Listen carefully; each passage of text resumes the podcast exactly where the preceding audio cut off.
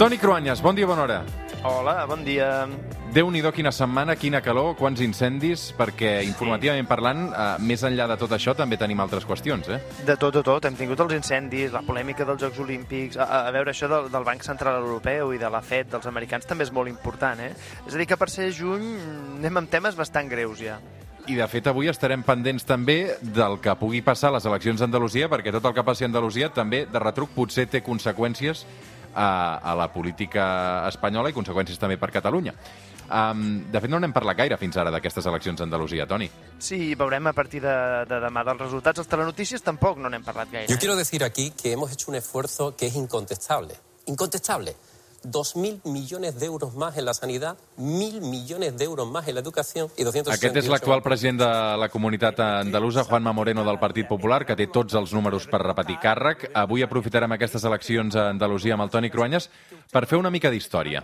Sí, a veure, et proposo que parlem de la immigració andalusa a Catalunya. És un dels pilars fonamentals de la nostra demografia, de, del nostre creixement de l'últim segle. Els experts diuen que sense la immigració d'aquests últims 150 anys a Catalunya ara seríem 4 milions, en comptes dels 7 milions i mig que ja som.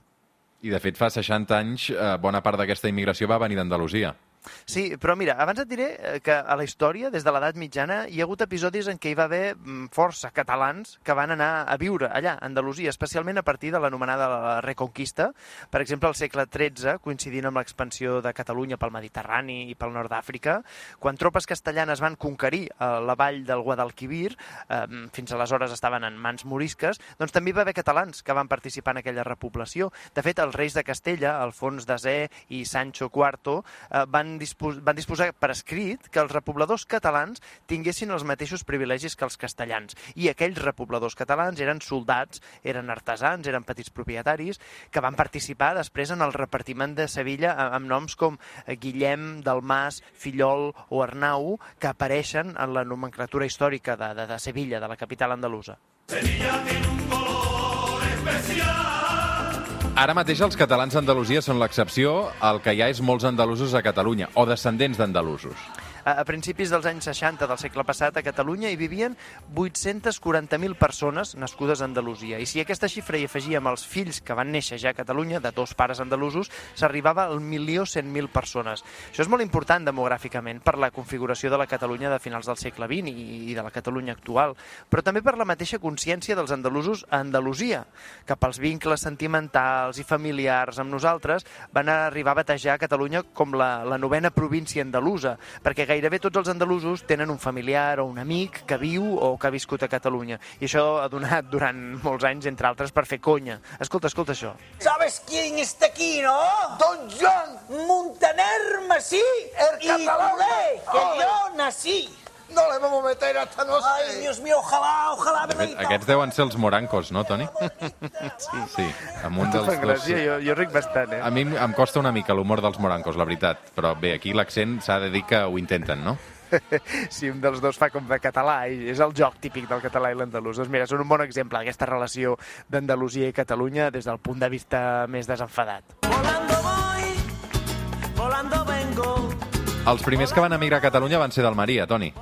Sí, i ha documentat que uns 40.000 ja a la dècada del 1920. La crisi de la mineria, el retrocés del sector del raïm, que es venia com a fruita, no, no del vi, ja va fer que comencessin a venir a Catalunya durant els anys de gran creixement de la ciutat de Barcelona, amb la feina de construcció de ferrocarrils, d'infraestructures, els preparatius de la gran exposició universal del 29, però el gran moment de més emigració a Andalusia va ser a partir dels anys 40. Just després de la Guerra Civil. Clar, Andalusia va patir la postguerra amb molta pobresa, molta fam, però també amb una repressió política que van expulsant la població dissident en un sistema tant polític com econòmic molt, molt controlat pels senyoritos, els propietaris de la terra, que estaven congraciats amb el règim franquista. La repressió en el camp andalús va ser ferotge. Les autoritats franquistes van animar eh, les acusacions i les delacions de veïns, d'amics. Alguns historiadors moderns expliquen que bona part de la immigració andalusa, que va arribar-nos aquí a Catalunya, tenia una base ideològica d'esquerres. Era gent que s'havia significat durant la Segona República en la lluita política contra els grans terratinents i que quan van arribar a Catalunya aquesta implicació prèvia va ser determinant perquè aquí també s'assumessin a moviments veïnals o a l'oposició franquista.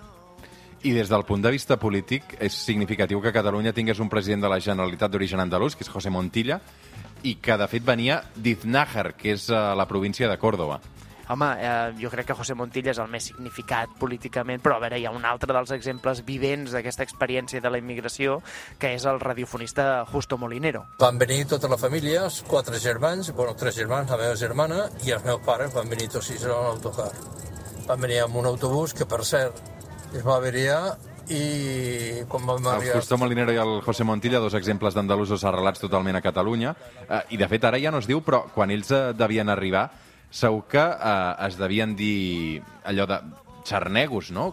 És a dir, s'ha anat perdent el, el terme, de tant en tant veig eh, que torna a estirar la polèmica, però el concepte mm, és més antic. que popularment això ningú diu, i si algú diu és eh, molt avergonyit, no? Eh, però és veritat, la immigració, l'arribada i l'acollida per part dels autòctons no, no van ser sempre flors i violes. La integració no va ser perfecta. Tots plegats, uns i altres, van haver de fer esforços.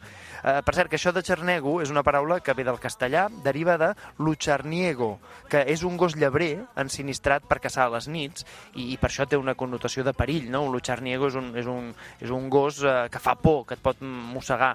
Els catalans van començar a dir xarnegos de manera despectiva als fills dels francesos i de les catalanes, estem parlant del segle abans, eh, del segle XVIII, durant la guerra del francès. Després, ja amb l'arribada d'immigrants al sud d'Espanya al segle XX, es va tornar a recuperar aquest insult. Per sort, com dèiem, fa anys que això ja no es fa servir. L'aigua roba i és a mi. Eh, De fet, ara recordo la, la Mercedes Milà, que fa poc va fer una entrevista al, al periòdico que deia a TV3 no hi ha espais per xarnegos. Bé, eh, jo crec que un titular una mica mm, desafortunat, si més no, perquè... Provocació per falta per ganes de provocar, sincerament. Avui arribarem a les 9 del matí, Toni, amb la cançó del bes sense por, de Miguel Poveda, un altre dels exemples d'aquest mestissatge andalús i Que català. aquestes Aquest- coses, Miguel Poveda, no Sí, tindríem. Rosalia si no fos per, per aquest mestissatge i aquesta immigració del segle, del segle XX arribada d'Extremadura, d'Andalusia. A veure com van les eleccions, n'estarem pendents aquest vespre. Toni, una abraçada. Vinga, bon diumenge. Com una treva